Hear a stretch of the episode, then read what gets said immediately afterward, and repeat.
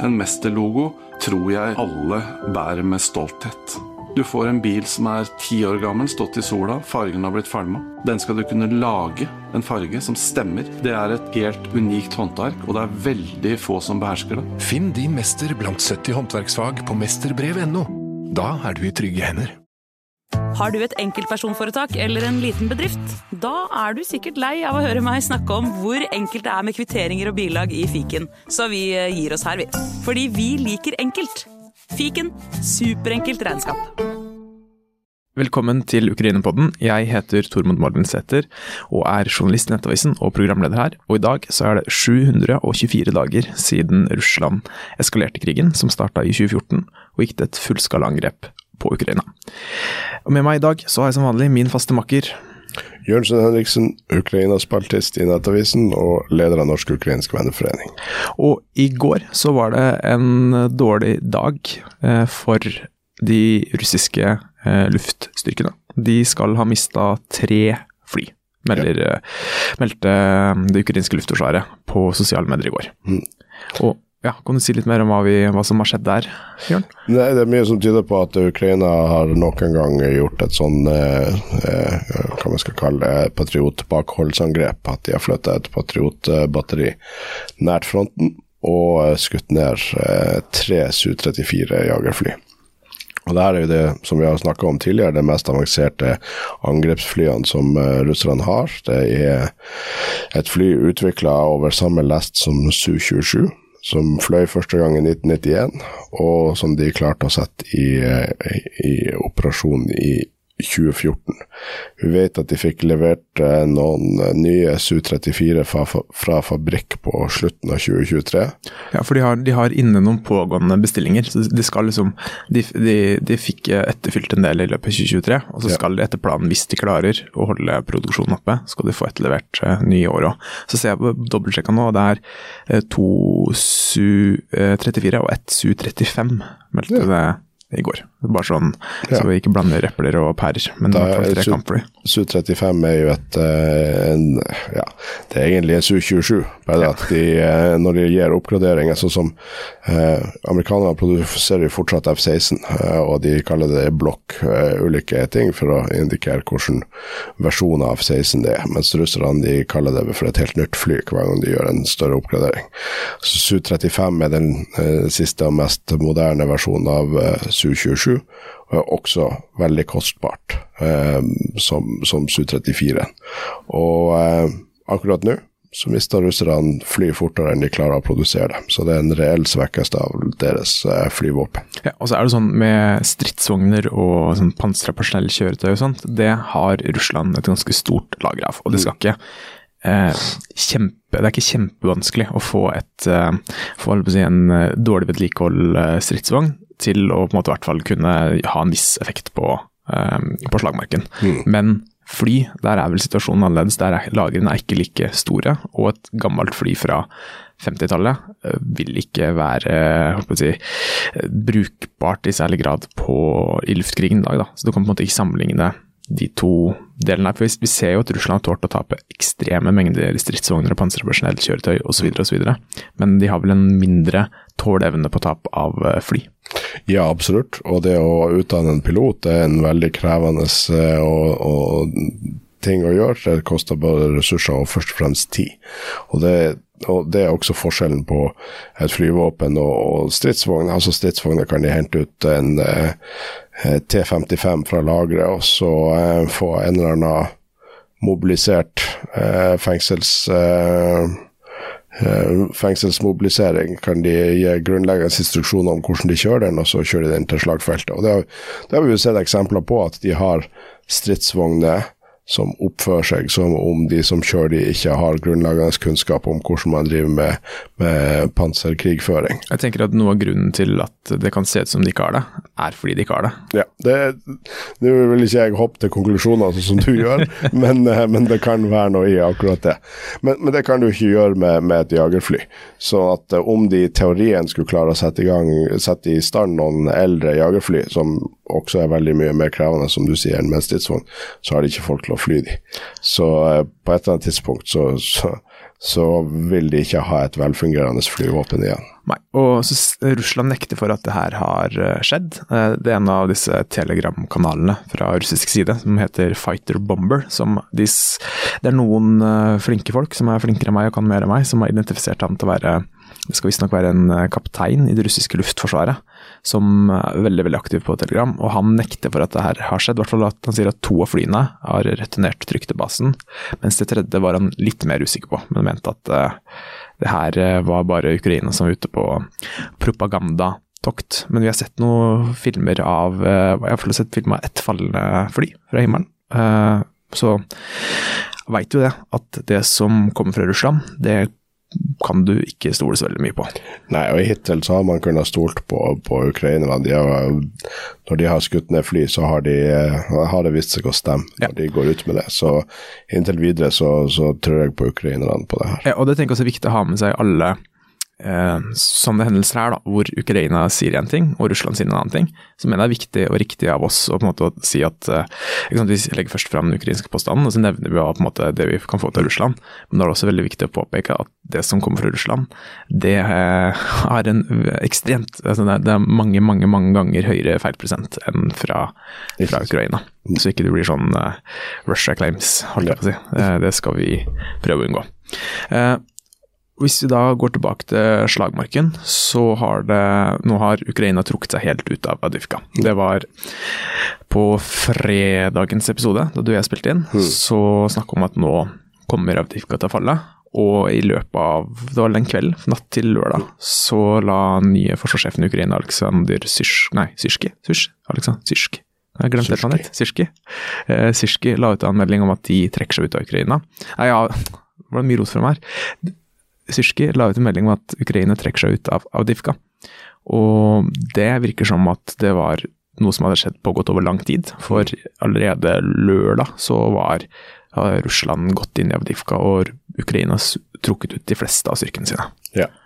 Og det tyder jo på at eh, Third Assault Brigade som ble henta inn, var for å eh, De gjennomførte et, eh, et motangrep i nord for å eh, binde opp russiske styrker og bidra med fri ferdsel for de ukrainske styrkene som ble trukket ut. Men det er også flere rapporter, også fra ukrainsk side, om at ja, altså tilbaketrekning er en veldig krevende operasjon og du skal på en måte slåss på veien ut, og det er lommer som, som lukker seg og sånn. Og det, de sier at det var en del ukrainske styrker som, eh, som ble tatt til fange av russerne i denne uttrekninga. Så, så det hatt en kostnad eh, også sånn. Og eh, vi har jo eh, det, det får du jo lese og høre mer om senere, men jeg og du har jo snakka med folk mens vi var i Ukraina, som, som gir en indikasjon på at det er kanskje bedre å bli tatt til fange enn å bli drept, men når du er i russisk fangenskap, så, så det er ikke veldig mye bedre. Nei, det, ikke, det å bli tatt til fange av russerne er heller ikke en garanti eh, mot å bli drept. Altså, det ene utelukker dessverre ikke det andre.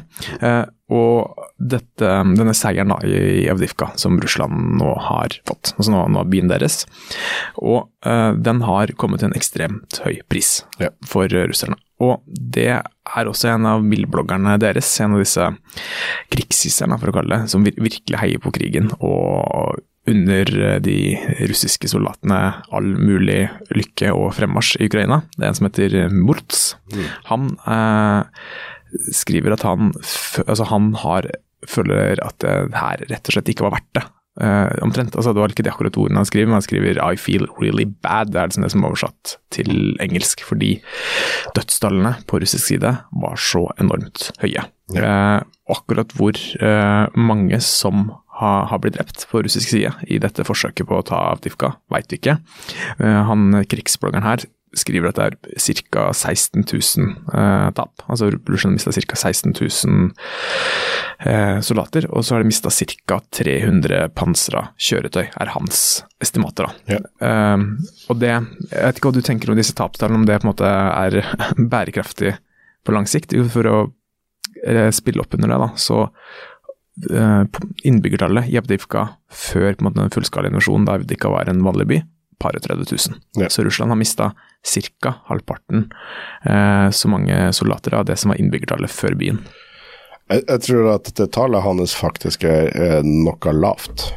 For at det, det er flere analyser som påstår at eh, russerne har mista flere folk i Avdivka enn de gjorde i Bakhmut. Og i Bakhmut mista de vel rundt 40 000. Eh, så, så det tallet vet vi vel ikke eksakt, men, men han har jo rett i at tapstallene for russerne har vært ekstreme. Eh, både når det gjelder personell, men også utstyr. Eh, og Så får vi se da om det var, om det var verdt det. Altså Bakhmut, som vi snakka om sist, så endte jo det opp med et kuppforsøk eh, knytta til at de mista så mange styrker. Samtidig så har vel det kuppforsøket gjort at Russland og situasjonen for styrkene deres blir det enda mer totalitær, og, og mulighetsrommet for å klage eller komme med informasjon eller legge ut sånne videoer sånn som de gjorde en periode, er blitt enda mindre. Så Ja, For da mener du sånne videoer som hvor de klager på forholdene og ja, ikke sant. De spiller inn, og at de har ikke, de har ikke ammunisjon og, og har ikke mat og, og, og den type greier. Det, det kommer jo ut en og annen sånn video nå, men Det er veldig mye mindre av det, faktisk. ja, rundt Bakhmut så var jo det høysesong for, for sånne. Så, så det kan, kan være at, at, eh, at situasjonen er sånn nå at selv om tapene er større, så er det rett og slett ikke lenger Altså, de har de har eh, enda strammere informasjonskontroll, og det er rett og slett det har mindre innvirkning på det russiske samfunnet enn det hadde for et år siden. Um, så, så det, det får vi jo se, hva, hva utsikten av det blir. Men vi ser jo nå i, i stadig større grad at, at det, den krigen utvikler seg til å bli en, en uh, Altså det er en utmattelseskrig, og så ser vi at det blir et sånn der uh, spørsmål om antall hvor mange styrker har russerne versus hvor mange styrker har ukrainerne. Og i en sånn type krig så er det russerne som vinner. Det ukrainerne trenger, de trenger eh, det som amerikanerne kaller force multipliers, altså det som gjør at de kan ha en større styrke enn sitt antall. Eh, det kan være jagerfly, det kan være artilleri. Eh, altså det er rett og slett vestlig utstyr av høyere kvalitet enn det russerne har det Ukraina har nå, er at de har styrker som er bedre trent, bedre utstyrt og bedre leda enn russerne. Men når de nå, og det sier de jo åpent, at en hovedårsak til at de tapte Avdivka, er for at de mangla ammunisjon. Og visstnok så var det en vurdering gjort om de skulle gå til motangrep for å prøve å holde Avdivka, men hovedkonklusjonen til at de ikke gjorde det, var at de, manglet, altså de hadde ikke nok artilleriammunisjon til å forsvare byen. Og da har de i alle fall ikke nok artilleriammunisjon til å gå til angrep, som krever enda mer. Eh, og, og, her må jo Vesten rett og slett ta på seg ansvaret for at det er blitt sånn. Eh, USA har selvfølgelig et veldig stort ansvar i det. Eh, Biden var ute og sa at det her eh, Så han sier det jo åpent og ærlig at, eh, at republikanerne sin, eh, sin sperre av, av, pakken til Ukraina har medvirka til at Avdivka har falt. Det har han nok rett i. Samtidig så må han ta en del ansvar for at han ikke brukte de pengene han hadde tilgjengelig før oktober. Han hadde mye penger, eller mange fullmakter igjen på konto. Han har også presidential power som han ikke har brukt. Det kan være at det er en eller annen strategisk plan rundt det for å tvinge Kongressen til å handle, det vet jeg ikke, men amerikanerne har mye ansvar. Men vi har ansvar her i Norge også. Vi har snakka veldig mange ganger om artillerigranatene, som, der vi burde tatt en avgjørelse for to år siden. Nå eh, kan vi gi økt støtte, artillerigranatstøtte til Ukraina om et par år, men det var i Avdivka de trengte det.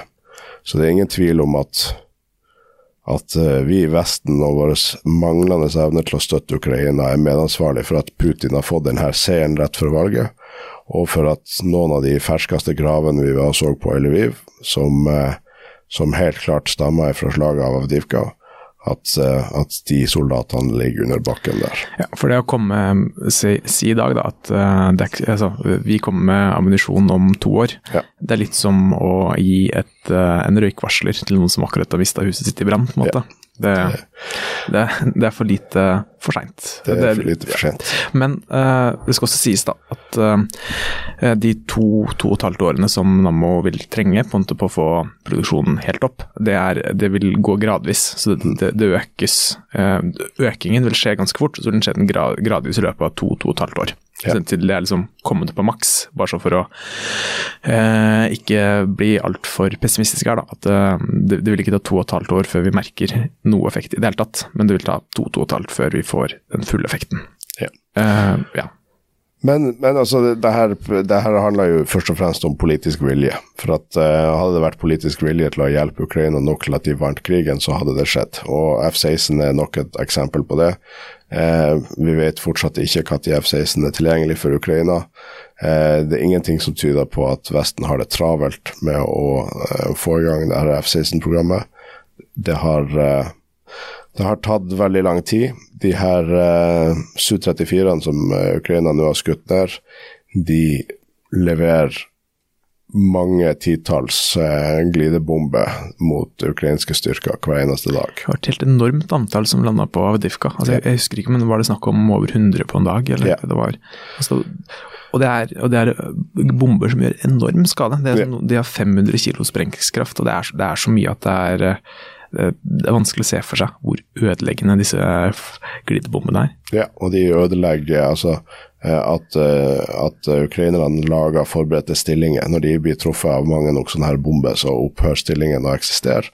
Og det det, da, da er det infanterist mot infanterist, og veldig mange som dør. Og det at russerne nå etter eh, to år med fullskala krig fortsatt får herje i luftrommet nesten uten motstand, eh, det er uforståelig for meg. Altså, de F-16-ene med en ren luft-til-luft-kapasitet som ville ha pressa de her flyene bakover, kunne ha vært operasjonelle nå, selv om vi har brukt lang tid på å ta avrørelse.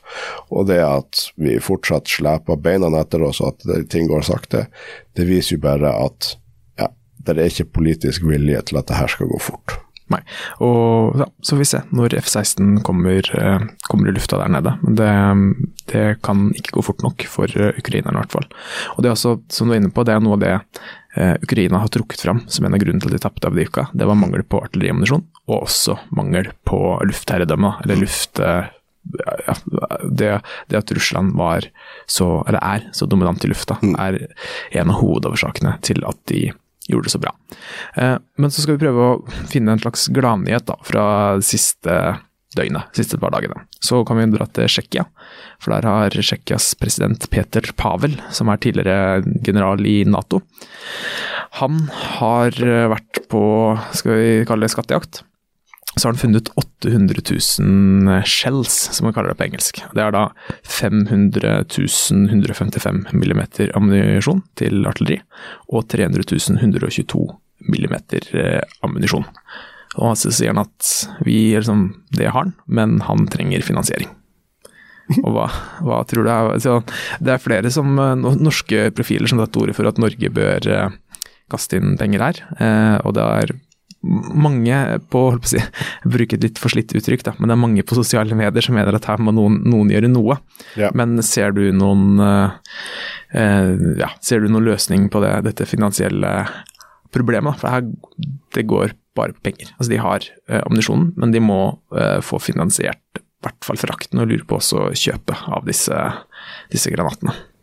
Ja, altså han burde vi jo sendt på skattejakt oftere. Det der var jo veldig innbringende tall. Nei, altså ja, finansiering burde jo ikke være et problem, for at um, det her krigen, med mindre Ukraina vinner, så kommer den til å nå oss på, på, en eller annen måte på et eller annet tidspunkt. Så det å, å bruke penger for å, eh, for å eh, få det her inn, det er det minste vi burde være i stand til. Og Det vil jo gjøre en umiddelbar forskjell, vil jeg tro. Altså Det er 500 155 mm artillerigranater. Det er det er et solid antall. Det er et uh, veldig stort antall. Det største bidraget som er kommet hittil er 500 000 fra Sør-Korea. Ja. Så det her vil være like stort som det største bidraget de har hatt til nå. Så det, det, er ingen tvil om at det her vil ha umiddelbar effekt. Og det å få 152 mm granater inn hjelper jo også, for det gjør at de kan bruke det de har igjen av uh, sovjet-æra-artilleriet sitt. Bare for å sette litt i perspektiv, da. Så i sommer og høst, hvor liksom Ukraina fyrte av på det, på det, meste så fyrte jeg ca. 7000 artilleri, altså 155 mm granater hver dag. Mm. Så 500 000 uh, nye granater vil holde i det tempoet i 71 dager. Ja. Eh, og det er jo grunn til å tro at Ukraina ikke vil fyre av 7000 nå, fordi det her var under denne motoffensiven deres i sommer, hvor de fyrte av ekstra mye. Så det vil, holde, det vil da holde, være nok ammunisjon for Ukraina i ganske mange måneder. Ja, det vil være et stoppgap, eh, men for at vi vet jo at eh, flere produksjonssteder i Nato øker sin produksjon, og vi vet at de også øker sin produksjon i Ukraina. Så det her er det de trenger, eh, akkurat det de trenger akkurat nå. Ja, for på de, så nå i vinter så mener jeg leste at Ukraina fyrte av ca. 2000 granater om dagen, sånn langs hele frontlinja. Og det er veldig veldig lite når eh, frontlinja er over 1000 km lang. Hvis vi sier hvis vi dobler, da, hvis vi sier at de skal fyre av 4000 granater fremover, så kan du på en måte holde trykket oppe. Det er nok til å holde det gående i 125 dager, da. Disse, Bare disse 500 000. Og så er det da 300 000 oppå der igjen. Så det Og for å sette det i et perspektiv eh, Det russerne har ført hver dag før HIMARS kom og begynte å sprenge logistikkanalene deres og ødelegge våpenlagrene deres, så skjøt eh, russerne rundt 20 000 artillerigranater om dagen. er jo helt eh, elleville tall. Ja. Helt sjukt. Så, eh, så, det, så, det, er det, så det er ukrainerne er, står opp mot. Og ja, jeg gjentar det igjen, vi har tjent flere tusen milliarder på, eh, på økte energipriser etter krigen i Ukraina. Eh, Så eh, det her burde være en billig investering for de fleste landene i Europa, men det er i alle fall billig for oss, sett opp mot kostnadene av å ja, at faren for at vi havner i krig på et eller annet tidspunkt øker. Og i tillegg så er det vel ingen Nato-land som, eh, som står i en så god økonomisk situasjon som vi gjør. Så eh, her burde vi absolutt eh, kaste oss på og ta en del av regninga. Ja. Og så har, etter at Russland tok Avdivka, så nøyer de seg ikke med det. De har også satt i gang et ganske stort angrep på Zaporizjzja-fronten, og det gikk dårlig for Russland. Det jeg leser her, er at de skal i hvert fall ha 18 kjøretøy som ble ødelagt, og blant de tre stridsvogner og rundt 70 drepte soldater. Men det som jeg syns er litt interessant med det angrepet, her, er at de skal ha brukt en sånn T55 stridsvogn i, i angrepet. Og det, Vi har jo visst lenge at Russland har brukt disse T55 stridsvognene eh, i Ukraina. Og Det er da det er en eldgammel stridsvogn, den er fra 15, 1955. Du kan fortelle litt eh, Altså, om den? til det, det tallet som er i eh, tallet til eh, russiske stridsvogner, det er når serieproduksjonen starta. Ja. Så serieproduksjonen av T55 begynte i 1955.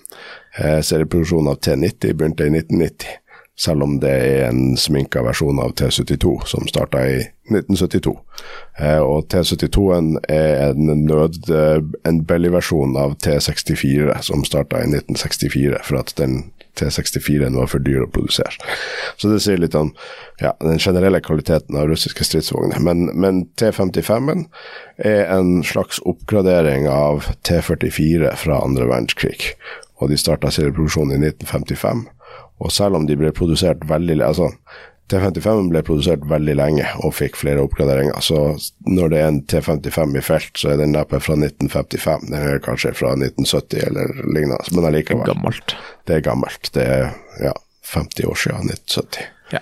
Og eh, da Russland eh, Da vi så liksom begynte å se bilder av T55 fra, i Ukraina, så fikk vi først vite fra både i hvert fall russiske krigsborgere at eh, det var ikke noen grunn til panikk eh, for, fra russisk side. fordi Grunnen til at de satte inn disse T55 stridsvognene, var bare for å ha de i sånne statiske ildstøtteposisjoner. Da. Så de skulle ikke inn offensivt, de skulle måtte bare stå eh, i forsvarsposisjoner og hindre ukrainsk framrykning. For der, altså eh, kanonen til denne stridsvognen, den dreper like effektivt i dag som da den kom, selv om eh, resten av teknologien på en måte er utdatert.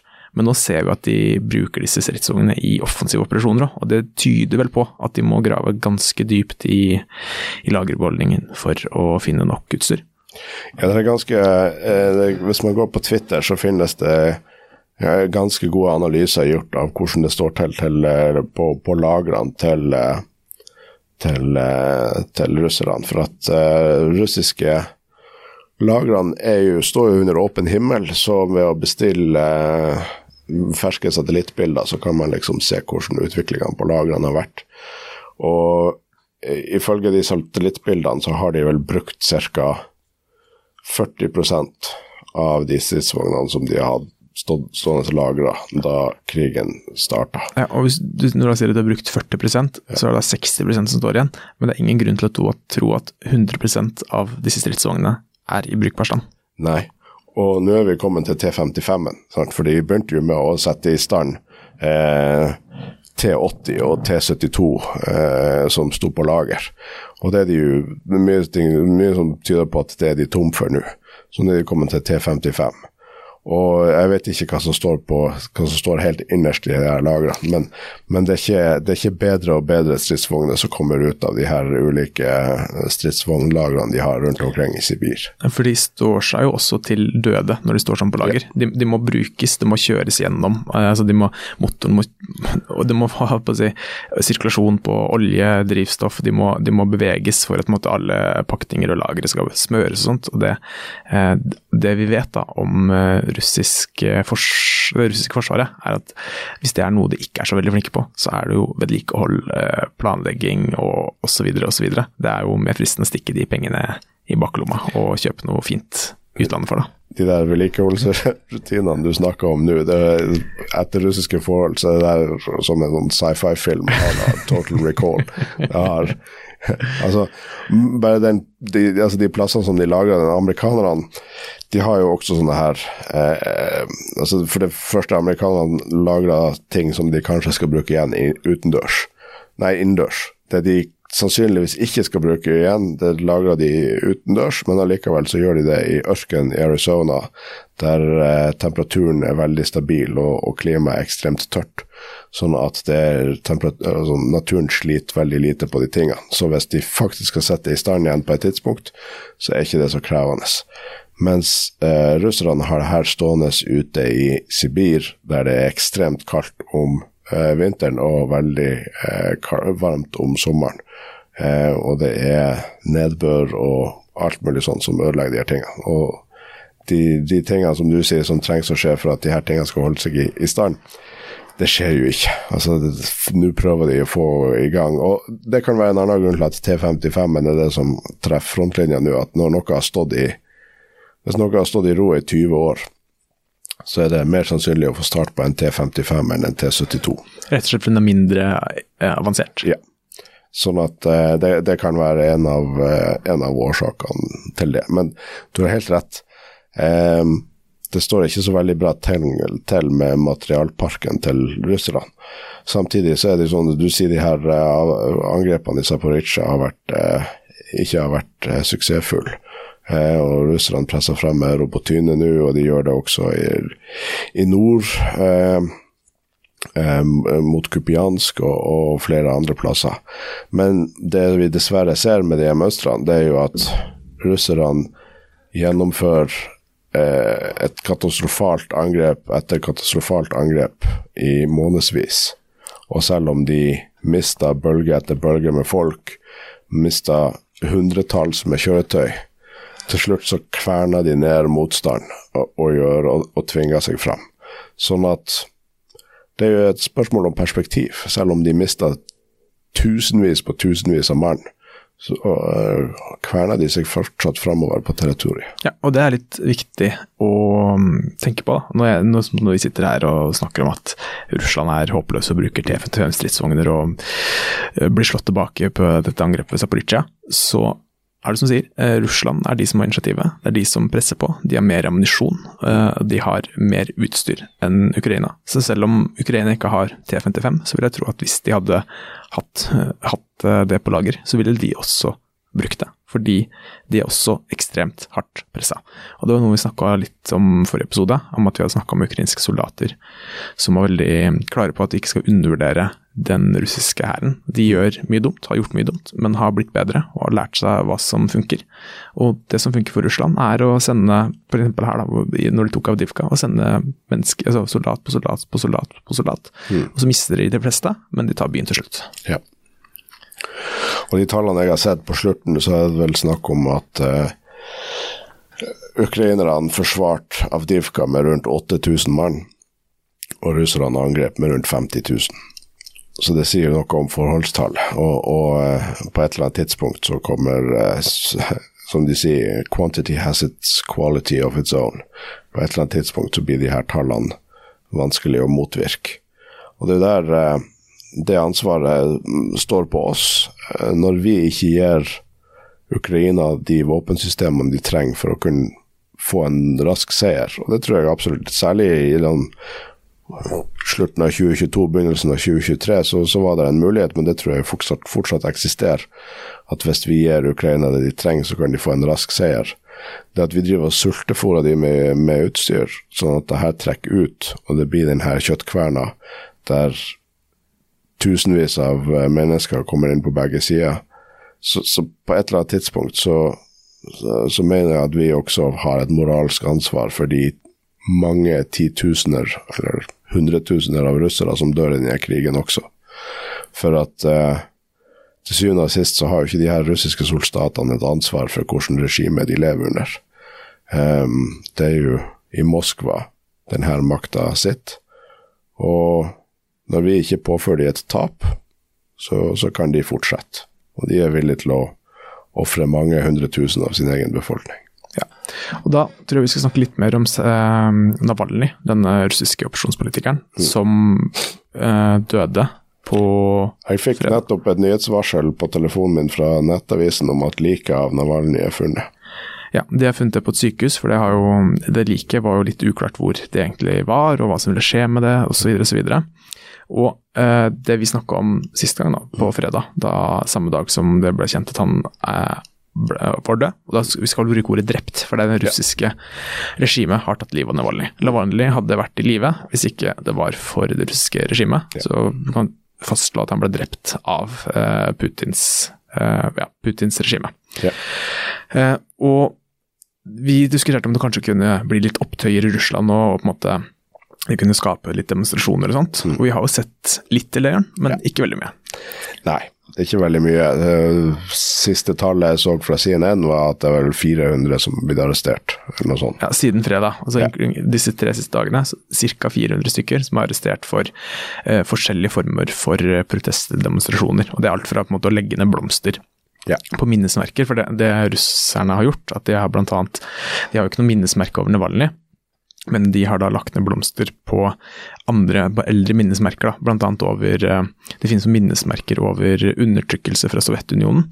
Eh, og da er det på en måte lagt ned blomster der som en symbolsk greie, men det eh, blir slått ganske hardt ned på. Og det har også vært eksempler da på en måte hvor man legger ned blomster på dagtid, og så i løpet av natta så kommer det sivilkledde folk med politibeskyttelse og rydder bort disse blomstene, så det ikke er noen spor der til neste dag. Så liksom det er veldig tydelig at det russiske regimet vil ikke ha noen um, ha noe, skape noe inntrykk da, av at uh, Navalny hadde noe støtte i folket.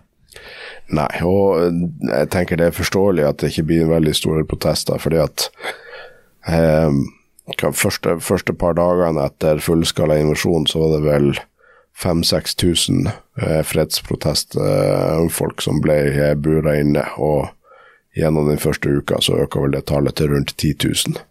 Eh, når, eh, når russerne gikk til fullskala invasjon av Ukraina. Og du risikerer jo, for nesten hvordan som helst form for protest i Russland, så risikerer du en dom på 15 år i fengsel. Eh, så på et eller annet tidspunkt så går det jo tomt for folk som er villige til å gå ut og protestere eh, mot et eller annet, der de vet at protesten har minimal effekt, og de kanskje får 15 års fengsel. Og 15 år i et russisk fengsel er jo Ja, det er jo ikke alle som klarer å fullføre de 15 årene, det er vel eh, Nå ble vel eh, Navalny drept på en mer eksplisitt måte, men det er jo ingen tvil om at mange dør av å sitte i russiske fengsel pga. at soningsforholdene er så ille. Ja, og Et eksempel på det, som jeg syns har noen ganske klare paralleller til Navalny, er en tidligere skatteadvokat som heter Sergej Magnitskij, som var advokaten til den amerikanske forretningsmannen Bill Browder, som har skrevet eh, noen veldig veldig gode bøker. Anbefaler å sjekke disse bøkene til Bill Browder. Det, har lært meg veldig mye om hvordan Russland fungerer, og hvor eh, ja, gjennomkorrupt det samfunnet der er. Ja. Men Magnitskij han ble da arrestert for uh, rett og slett tull og tøys. Det var oppdikta anklager. Ble holdt fengsla et år. Behandla ekstremt dårlig. Ble veldig, veldig, veldig syk. Mm. Um, og hadde, altså, fikk ikke legebehandling. Og det var altså, det er tortur, rett og slett, det han ble utsatt for. Og så, liksom den siste dagen han var i live, så forverra helsetilstanden hans seg betraktelig. Og han hadde, jeg tror han hadde noe gallestein eller nyrestein, et eller annet, et eller annet sånt som gjør i hvert fall sinnssykt vondt. Um, og det endte opp da med istedenfor å gi han behandling, så tok de disse fengselvaktene og bare dengte løs på han med gummikøller. Og i løpet av en time så var han død. Um, og så ble jo da selvfølgelig Det ble jo foretatt en obduksjon her òg, og den obduksjonen Du kan gjette hva den fastslo, Jørn? Tror du det var, og Slo den fast at det var død av naturlige årsaker eller stumpvold? Jeg vil gjette at det var hjerteinfarkt eller noe sånt. Ja, det var noe sånt. Det var uh, naturlige årsaker. Ja. Og det er akkurat det samme vi ser uh, med Navalny nå, Ja. uh, hvor vi får ikke vite noe om hva som skjedde. Vi får vite at dagen forrige veien var han frisk, og dagen etterpå så døde han.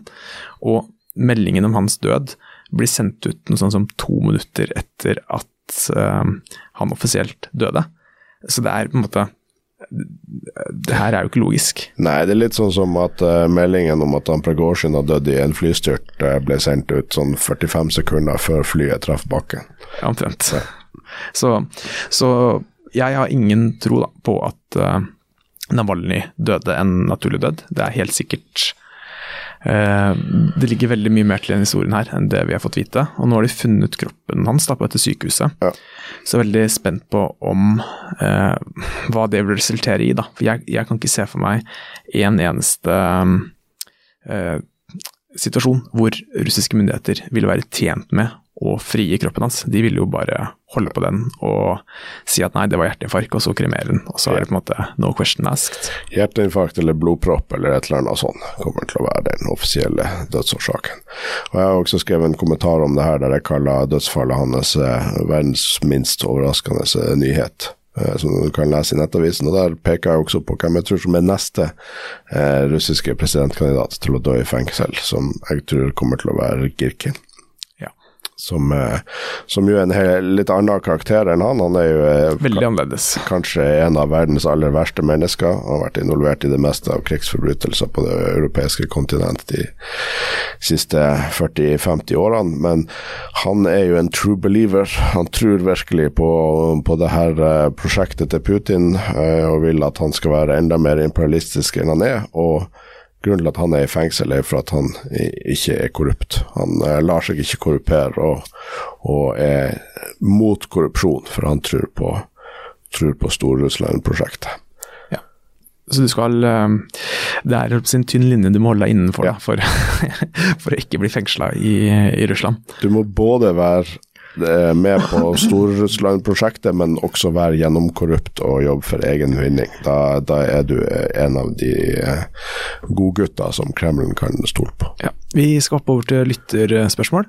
Vi begynner med et eh, spørsmål fra Marius. og Nå har vi veldig mange i banken, Ja. så vi må takke for alle dere som har sendt inn. og Vi skal få jobba oss nedover lista så fort som mulig, men keep them coming. Marius eh, skriver at han er fast lytter av podden, og syns den er utrolig informativ og god for å få oversikt over hva som rører seg i Ukraina. Og Det er vi veldig glad for å høre. Så spørsmålet mitt til dere, skriver Marius. Er det noe oversikt over de vestlige tunge kjøretøyene, altså stridsvognene, som ble donert? Er de aktive i beskyttelsen nå av sentrum av Ukraina, eller blir det brukt eh, mer i offensive kamper på flankene eller langs frontlinja? Altså, eh, Ukraina har fått en del eh, vestlige stridsvogner, både Leopard 2, Leopard 1, så de har fått 31 Abrams stridsvogner, og så har de fått en god eh, mengde av det de kaller for infantry fighting vehicles, eller stormpanservogner som vi kaller det på norsk. Ja, og så har de fått disse Challenger 12 Chal- Challenger fra Storbritannia. De har fått også en liten gruppe Challenger 24, og de fikk, fikk to, to runder med 12. Sånn var det kanskje. Um, og de stridsvognene er jo veldig viktig hvis du skal drive offensiv krigføring. Så håpet var jo at de skulle få virkelig komme i sin rett eh, i eh, sommer i den ukrainske offensiven, hvis de fikk til et gjennombrudd. Nå kom aldri det gjennombruddet, så vi har ikke fått sett så veldig mange av de her stridsvognene i kamp. Og det er nok eh, Altså, det er nok fordi at akkurat den type stillingskrig som, som er nå, så, så kommer ikke de til sin rett. Vi har sett at de har vært eh, brukt i støtte til mindre ukrainske enheter som har gått til motangrep og, og sånn. og det, Noen ganger så har de ildstøtte av eh, f.eks. to Bradleys og en Leopard 2. Så vi ser litt til de av og til, men de er ikke en sentral del av krigføringa akkurat nå.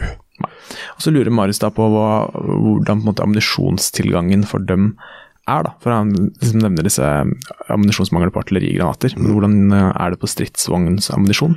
Ja, Stridsvognsammunisjon er jo en, en, annen kaliber, og jeg har ikke hørt noe om at det er en prekær ting. Det kan det jo være, uten at jeg har hørt om det.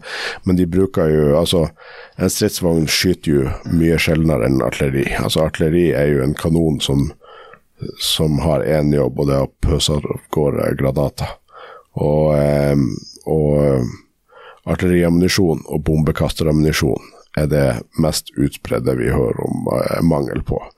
Eh, så her, her, har jeg rett og slett ikke svaret. Det kan godt være at de, de mangler eh, stridsvognsammunisjon også, uten at jeg har hørt om det, men jeg tror ikke det.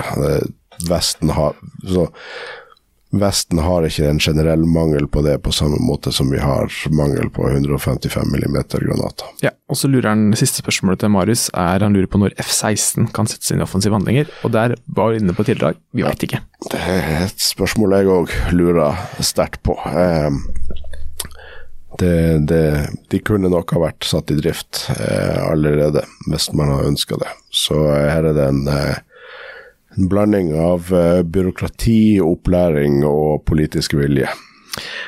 Da takker vi til Marius for eh, et godt uh, spørsmål, og så håper vi vi ga dere i hvert fall et ganske godt svar. Mm. Så skal vi hoppe videre til Harald, som har sendt oss en mail, eh, som også takker for en veldig bra podkast. Det syns vi er stas. Og han vil gjerne høre om vi har noen tanker rundt tilgangen til internett for Ukrainas forsvar, og viktigheten av dette i krigføringen. Vi ser nå at én privatperson, altså Musk, eh, kan avgjøre om og i hvilken grad de krigførende parter har tilgang til internett. Er det ikke da i Nato-landenes interesse å ha sin egen Starlink?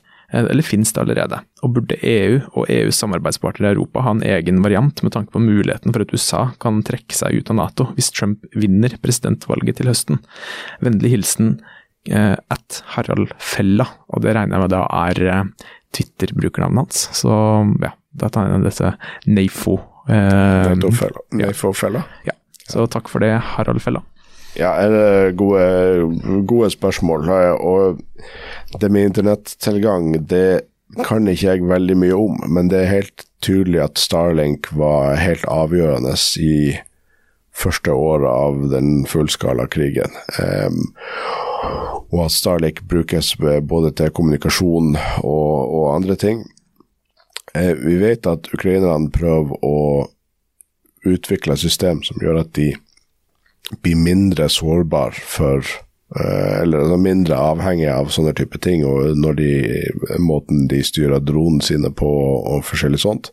Men per nå så finnes det jo ikke noe sånn europeisk alternativ til, eh, til Starlink. Og Det er vel en av mange ting som vi burde tenke over hvis eh, amerikanerne trekker seg ut av Nato. Ja, Det er noen arbeid rundt der hvor det finnes en slags militær eh, del av Starlink som på en måte de amerikanske myndighetene Jeg er usikker om de har kjøpt seg inn i det eller fått tilbud til å kjøpe seg inn i det. på en måte hvor da eh, de bruker, de på en måte kjøper teknologien fra Starlink og, og, på en måte kjøper det helt ut av Starlink. Mm. Eh, sånn at det, det, er teknologien til Starlink, men det styres av det amerikanske forsvarsdepartementet. Sånn at ikke Starlink, da, som er et sivilt selskap, måte skal være de som avgjør eh, soldaters skjebne. Mm. Ettersom hvilken dag eh, den eieren av det selskapet har og ikke har. på en måte. Ja, ikke sant. Så, så, det, så, det, jobbes med, og, og, som du var inne på, så var, var, Starlink ekstremt viktig for Ukraina i starten, og det er det fortsatt. Mm. Altså, det gir uh, Ukraina muligheten til å kommunisere langs frontlinjen, uh, kryptert og sikkert, og på en måte som gjør at det ikke kan blokkeres av uh, russisk krig, elektronisk krigføring. og det den dronekrigen som vi ser nå utspille seg, den, der er Starlink helt avgjørende. Da, jeg intervjua en kar i Ukraina som heter Dimko, som eh, driver en uh, lederorganisasjon som donerer Starlink og droner til den ukrainske hæren. Han sier at uten Starlink så hadde ikke Ukraina klart seg i det hele tatt. Det er helt avgjørende for at de skal klare å opprettholde eh, forsvaret av landet. Og måten, altså den muligheten Starlink gir da, til å koordinere forsvaret av Ukraina, er det er så viktig. og Det er så helt grunnleggende viktig for, for dem. For da kan de eh, sitte i en bunker litt unna frontlinjen, og så kan de da sitte i en sånn stor sånn kontrollrom med masse skjermer på veggene. Og så har de da bilder fra, livebilder fra forskjellige droner, så de får se hele frontlinjen i flere kilometers trekk. Så de på en måte kan planlegge neste trekk derfra. Og det hadde ikke vært mulig å gjøre uten Starlink. Så det er jeg kan ikke understreke eh, hvor viktig Starlink faktisk er.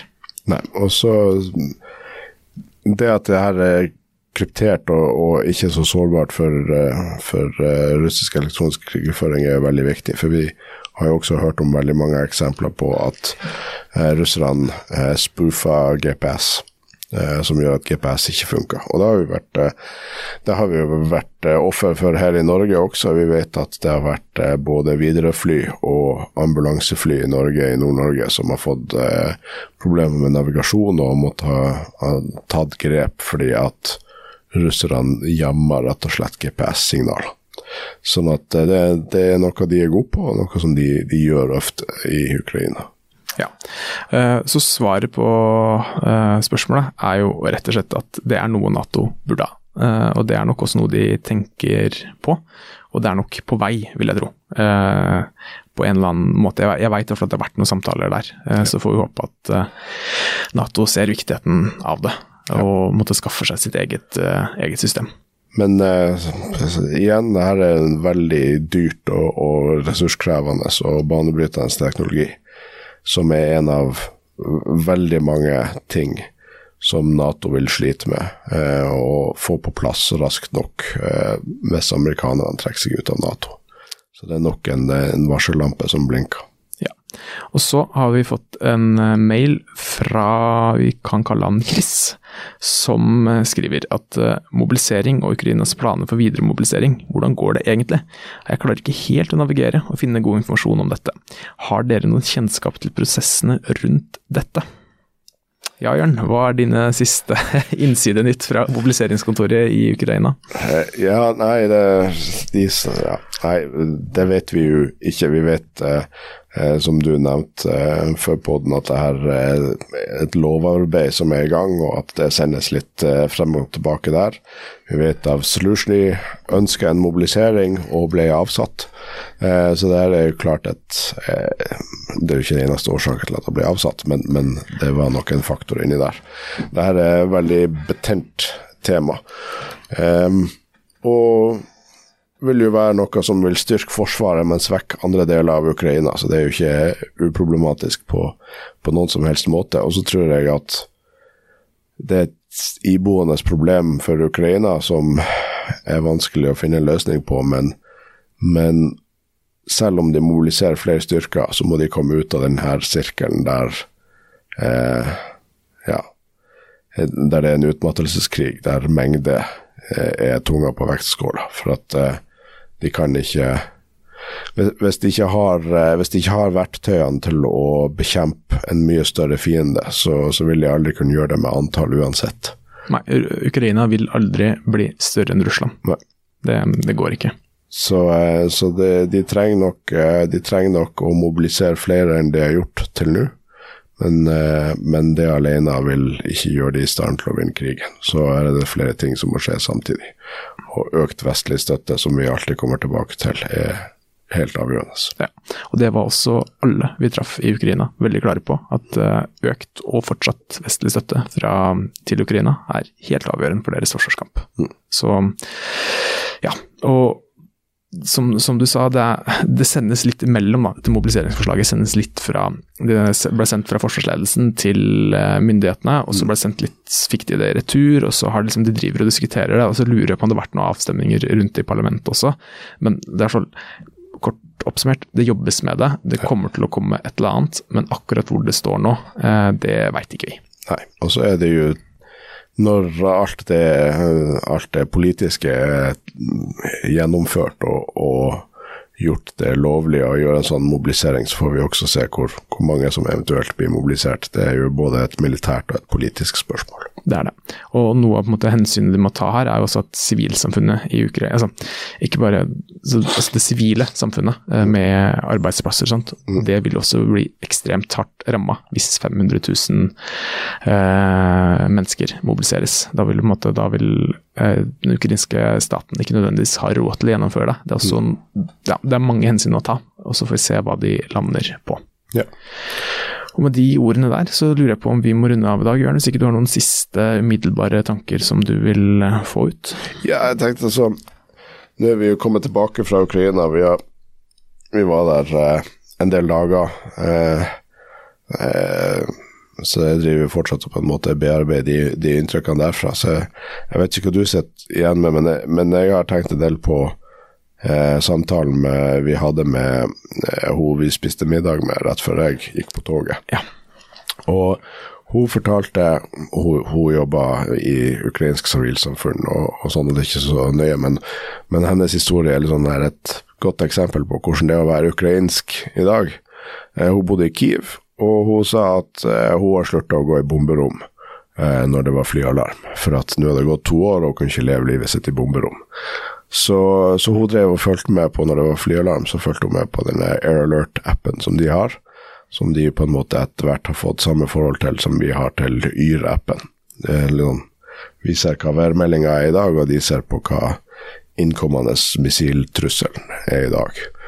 Og var litt sånn, ja, når den gikk, så venta hun på info. Kommer det fra Svartehavet, eller kommer det nordfra? Og så får, går det litt mer tid, og så ser hun kommer det fra sørøst eller kommer det fra sørvest.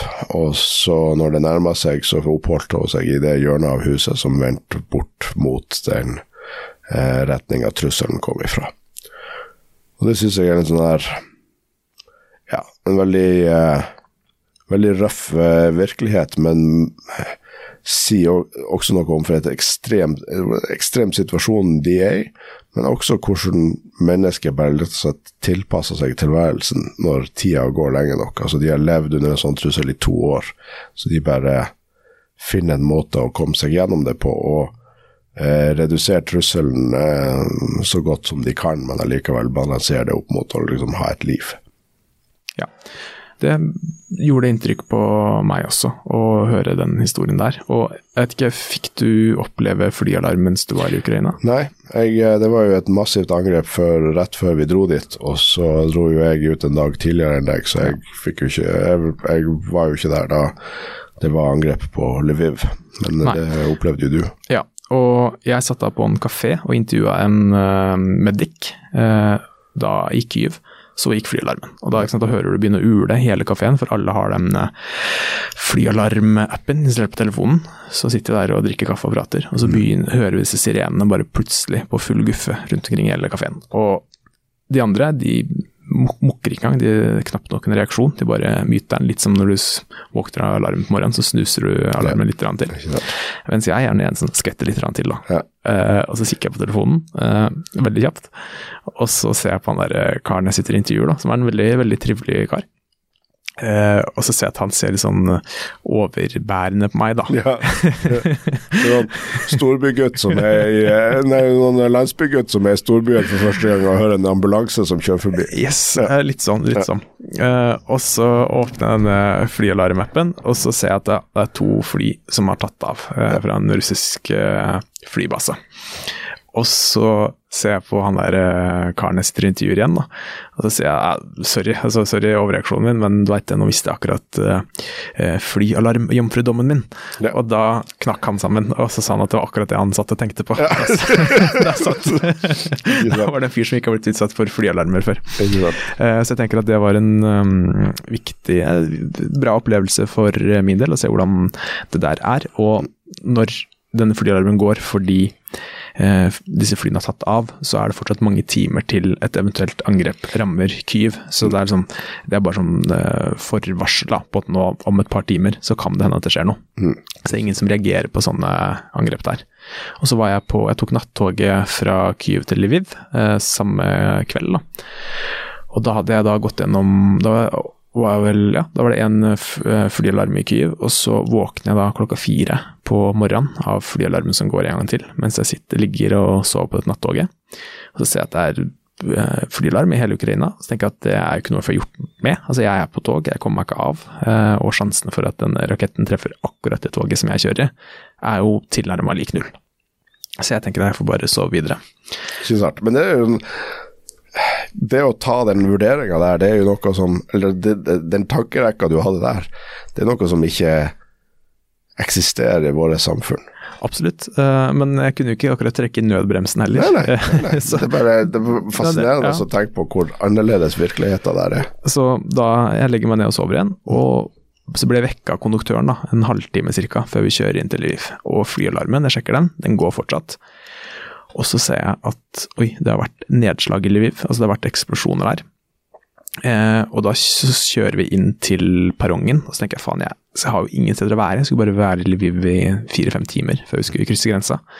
Og jeg var helt aleine og visste liksom ikke helt eh, hva, hva jeg skulle gjøre. Jeg hadde sånn løse planer om hva jeg ville se og gjøre, men så tenkte jeg jeg kan jo ikke bare vandre rundt i Lviv eh, når det er flyalarm og allerede ramler ned noen raketter. Jeg veit ikke hva det neste som kommer er.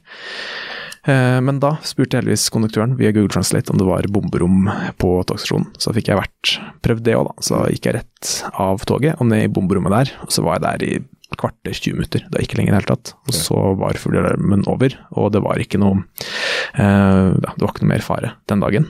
Eller ak akkurat da. Så det var, det var en opplevelse. Så jeg kom, jeg kom til Lviv et kvarter cirka etter at eh, denne raketten slo ned. Og den ramma eh, et sivilt mål. Ja. Jeg traff ei fra Lviv litt seinere den dagen, som viste meg bilder og videoer av det.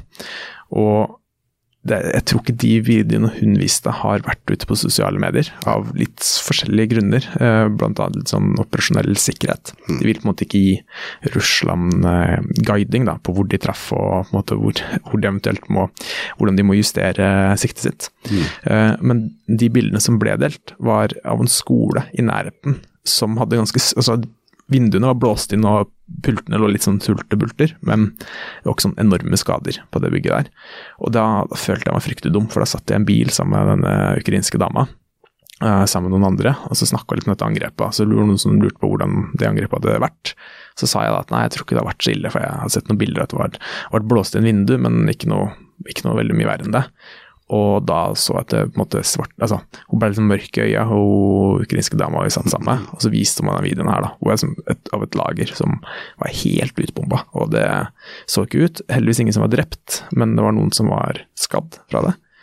Eh, og det lærte vel kanskje meg, da, at når du når du ser på en måte resultatet av de russiske missilene som slår ned, så er det ikke alltid vi får se det verste. Fordi det verste må de av og til holde hemmelig, for å ikke gi Russland for mye informasjon om hva de traff, og hvor det de traff faktisk ligger, i forhold til andre mål som kan være i samme uh, Ja, som, som de kan justere siktet sitt, da. Og det er også en annen påminnelse når vi hører eh, flyktningdebatten her i Norge om, om Ukraina og hvor trygt Vest-Ukraina er. Lviv er vel omtrent så langt fra fronten som du kommer i, i Ukraina, og dermed en av de tryggeste plassene der. Men eh, nå fortalte du akkurat om hvordan ei skole ble truffet. Vinduene var blåst inn, og det kan selvfølgelig være veldig farlig hvis det er noen skolebarn som går i den gangen der. Så Det tror jeg det vært altså, Da hadde det vært eh, Om det ikke hadde vært dødsfall, så hadde det vært noen stygge, stygge personskader. Hvis det her skjedde i, i skoletid. Ikke sant. Sånn at eh, selv i Lviv, helt vest i Ukraina, som jeg vandra rundt i, og det kunne vært hvordan som helst eh, ve- vesteuropeisk by, eh, opplevdes det som. Der kan ikke foreldrene sende ungene på skole og være helt sikre på at de ikke blir drept i løpet av skoledagen. Så det, med de ordene der, så tenker vi runder av. Takk for at dere lytta, og husk å sende tilbakemelding og lyttspørsmål til ukrainapodden krøllalfa.nettavisen.no, og fortell gjerne en venn om podkasten.